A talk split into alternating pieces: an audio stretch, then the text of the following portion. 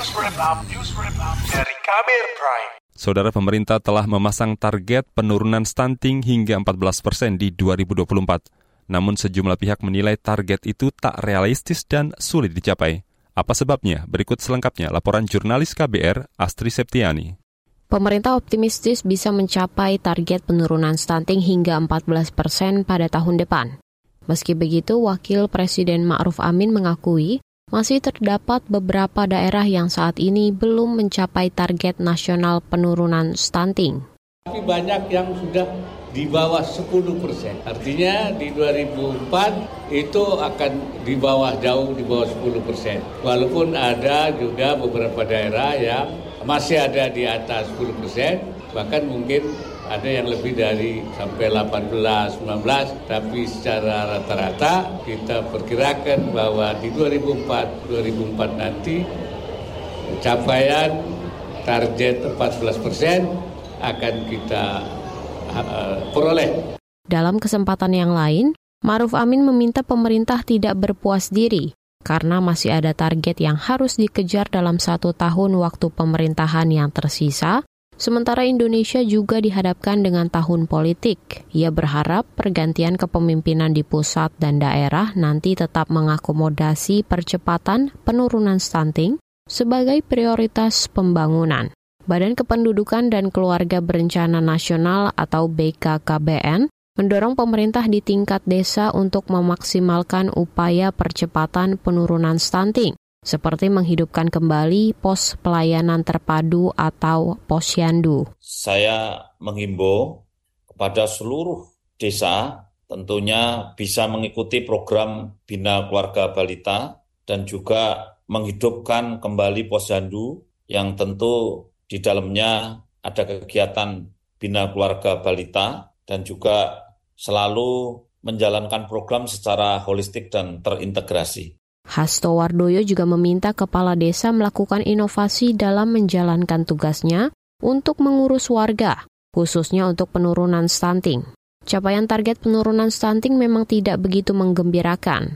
Dalam laporan pada Juni lalu, Badan Pengawasan Keuangan dan Pembangunan atau BPKP mengatakan penanganan kasus stunting di 370-an daerah tidak sesuai dengan target Rencana Pembangunan Jangka Menengah Nasional atau RPJMN 2020-2024.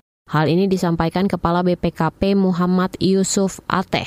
Pada sektor pembangunan manusia, upaya peningkatan kualitas SDM Indonesia belum merata sebagai contoh, hal ini terlihat dari penyelesaian kasus stunting yang tidak sesuai target RPJMN pada 378 daerah, serta kualitas ruang kelas sekolah yang masih perlu ditingkatkan pada 241 daerah provinsi, kabupaten, kota. Sejumlah pihak juga meragukan tercapainya target penurunan stunting. Pemerintah dinilai belum maksimal menangani masalah stunting di tanah air.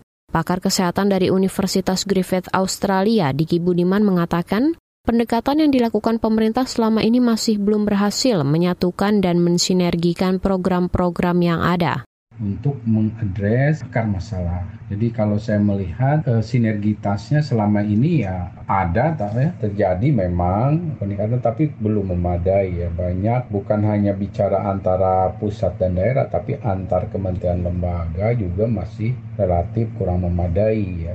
Sementara itu Ikatan Ahli Kesehatan Masyarakat Indonesia atau IAKMI menilai target pemerintah menurunkan stunting 14 persen di tahun depan sulit tercapai. Ketua Umum IAKMI Ede Surya Darmawan mengatakan target tersebut masih terlalu tinggi.